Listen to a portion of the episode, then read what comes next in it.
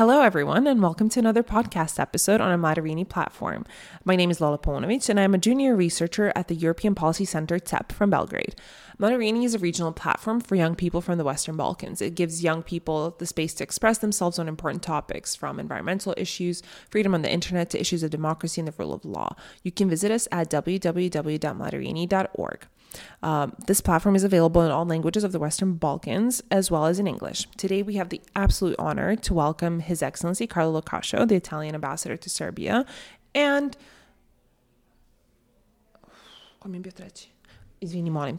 and Dragana Grahovac, a young leader from the Western Balkans. Today, our focus will be on the topics of the third working group one continent, one environment. Uh, the environment has been one of the topics which has occupied the agenda of the EU institutions for a considerable amount of time. Uh, the adoption of the European Green Deal, the strive to become the first continent to become fully climate neutral, numerous packages, as well as countless euros invested for the adoption of clean energy sources and adaptation to climate change. Um, today, we'll reflect on the following overall question How do we organize environmental protection and the fight against climate change at the continental level? And what role do we leave for the Balkans in this fight? With all this being said, let us turn to His Excellency Lo Cascio. Welcome to the podcast. As I said previously, the green agenda has been quite a popular topic in the last decade. With respect to air pollution and climate change, Italy is pushing initiatives designed to reduce black carbon emissions, particularly in the transporta- transportation sector. Through the Sustainable Mobility Fund, Italy has co funded nearly 190 projects at a total cost of 195 million euros. Could you point out some things that Italy, as a proud EU member, has been doing in the process of climate adaptation? How can these technologies or initiatives be applied here in the Western Balkans? Well, I will sum up uh, our work by saying that uh, Italy is back on track in fact, uh, we achieved key results in the field of climate change during uh, our G20 presidency and COP26 co presidency. We committed to work ourselves and urge other countries to do likewise in order to achieve a net zero greenhouse gas emission no later than 2050. Under Italian chairmanship, the G20 reaffirmed the most ambitious goal of the Paris Agreement to keep the average temperature increase to plus one point degrees Celsius in uh, 2100 compared to the pre-industrial era. Ecological transition is also one of the three priorities of the Italian Recovery and Resilience Plan, which has been financed by the Next Generation EU program. With the RRP and its reform, Italy is going to be a fairer and greener, allocating important funds to finance the management of waste and water resources, sustainable mobility, and energy efficiency of buildings. All these efforts will have a positive impact not only for Italy, but also abroad, where we could have and we want to export know how and best practices that could be applied locally. For this reason, we are working on realizing a waste and water management workshop in Belgrade by the end of this year.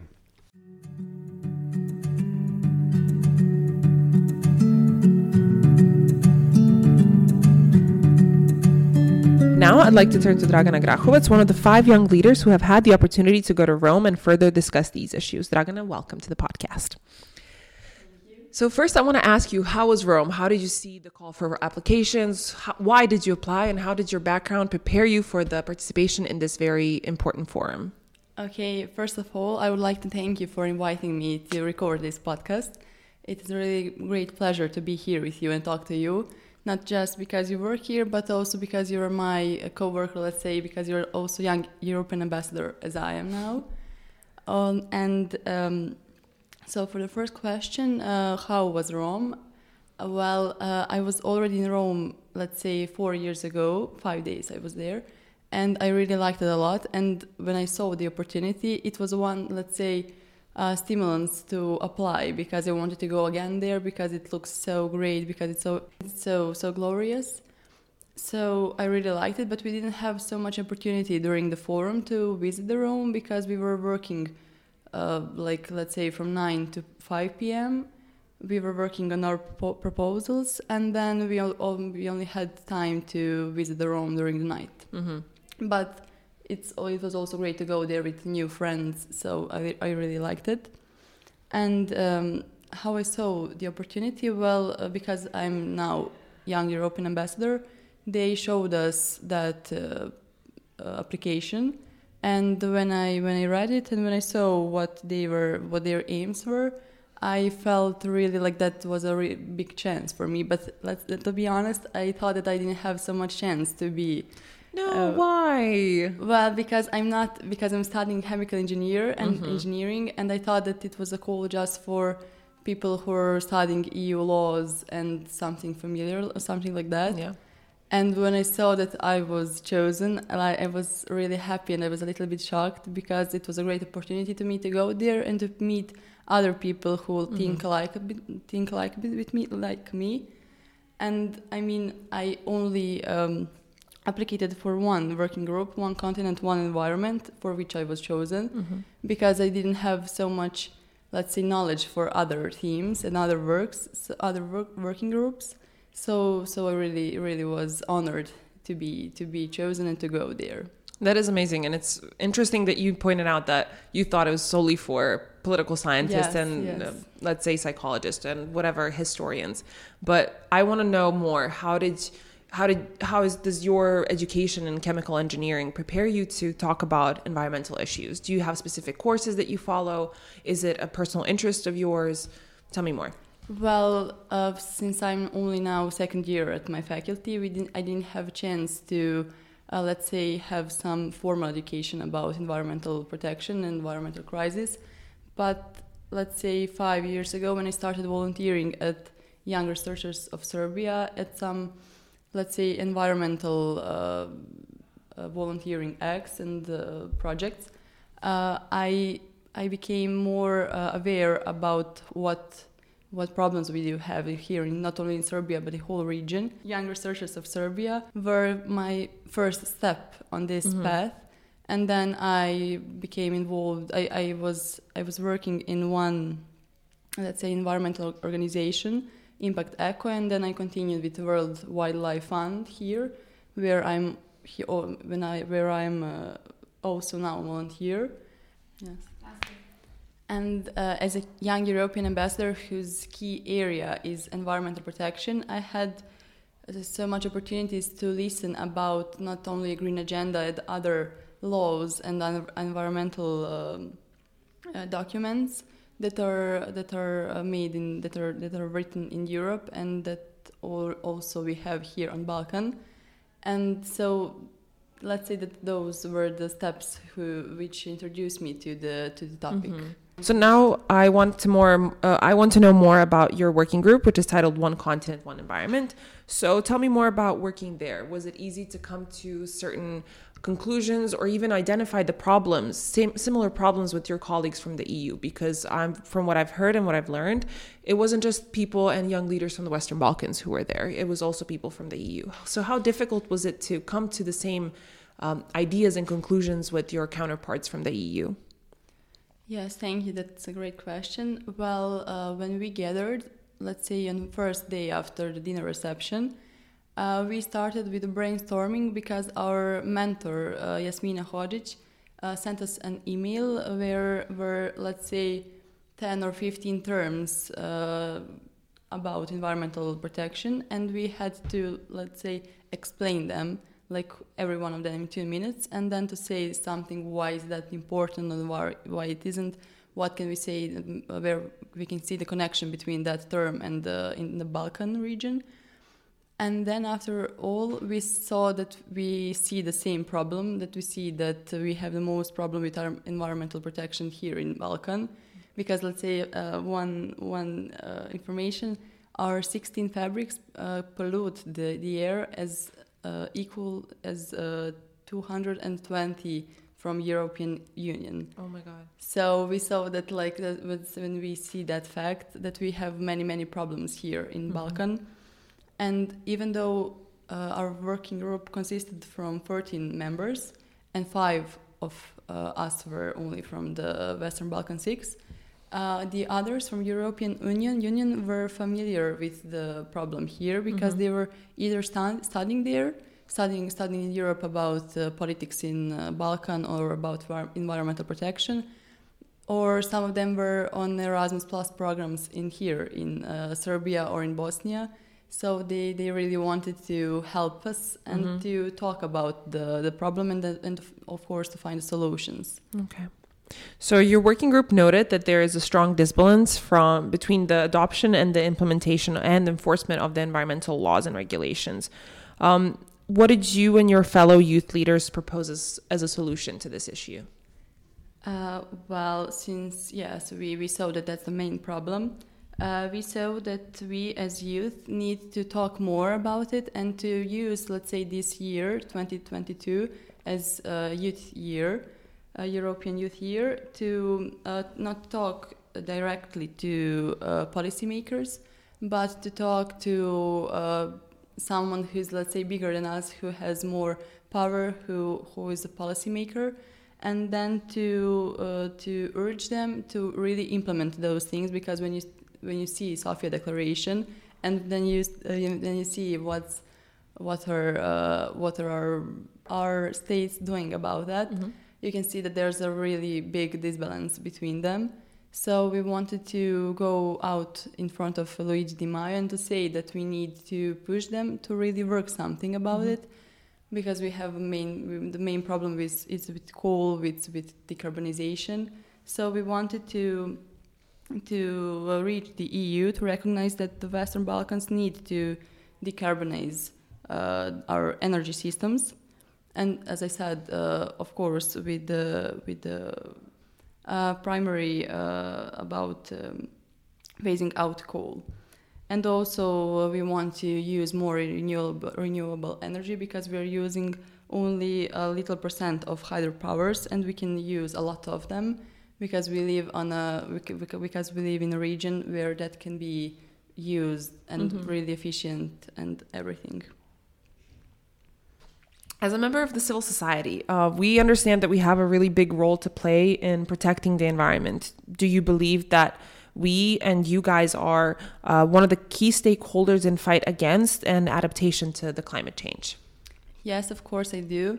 Because as, as I said, my path to this uh, forum was started with my uh, volunteering and about and started with the fighting with climate change so I think that every one of us can do something like that. It, I mean, uh, not only, and not not every one of us is supposed to work with legislation and uh, with something that has with proposing laws mm-hmm. when it comes to that. But we can fight in the other way. We can do something real in our world. We can let's say just look what we are using, what we are throwing out.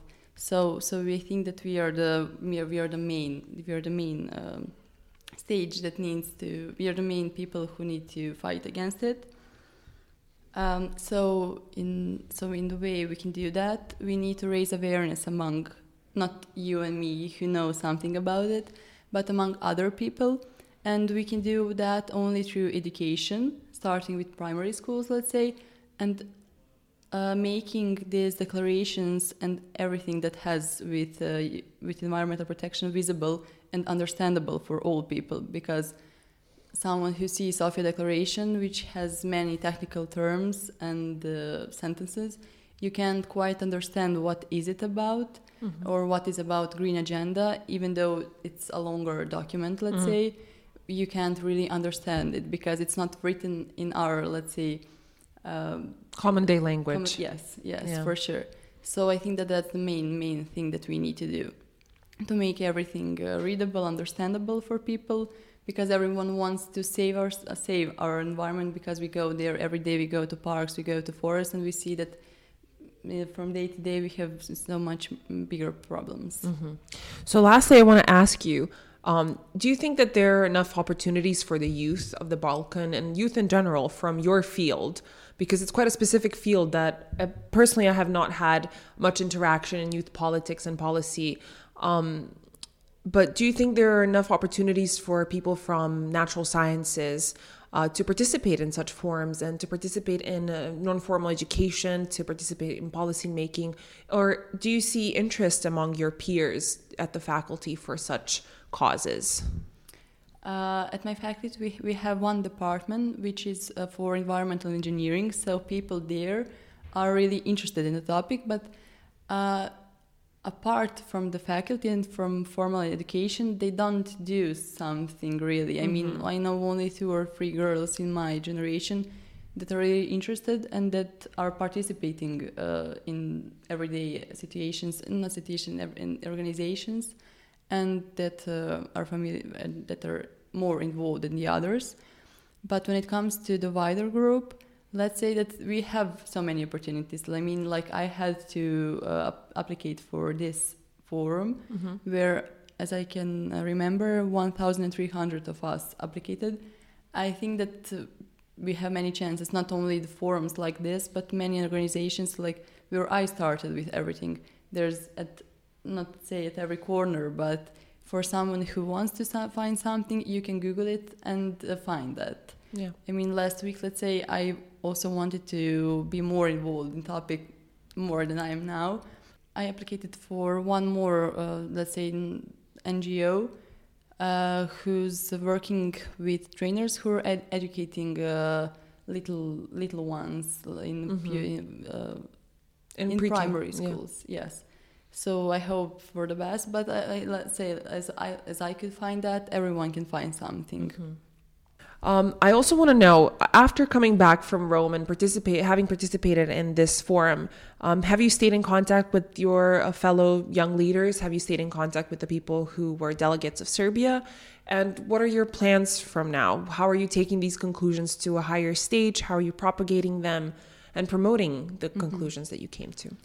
Uh, well, I stay in contact, uh, let's say, first of all, with my Serbian group, but also we have a WhatsApp chat where all members are, so we communicate there even today, where we are sending, when we see some opportunities that not only us from Western Balkans can apply, but also for the whole European Union and for, for all of us. And specifically, I stayed in contact with my working group. We also have WhatsApp chat, and we started our conversation about and uh, working on the project. Let's say after the new year, a couple of days after it, when one my fellow, uh, my my uh, my friend sent us uh, an email which said EU Balkan Forum, what's next? So after that email, we gathered, let's say, three times where we talked and discussed about uh, further uh, steps that we're going to take because we were told that we can work furthermore on our projects. And then uh, ministry of foreign affairs are really interested to uh, invest in our project and to really consider it if it's good enough. So we are now currently on working on it but we can't uh, let's say meet weekly or twice a week because everyone uh, every of us has or either a faculty or a job but we are now on a, on a, cert, on a certain path. So i think that we are going to let's say in two or three months uh, to uh, get with uh, a great idea and uh, and the and the developed project That's amazing. So, finally, uh, what do you want to say to the young people who are listening to us? Do you have any big conclusion or big recommendation for them? Well, I would say that they need to dream big and to continue dreaming like that because even if you think that you're not good enough for something, you are. You just need to fight for that, and uh, everything is achieve- achievable. So just dream and uh, stay on that path. Thank you so much. These were His Excellency Lo Cascio, the Italian ambassador to Serbia, and Dragana Grahovac, a young leader, and you were listening to the Mladerini podcast. See you next time, and goodbye.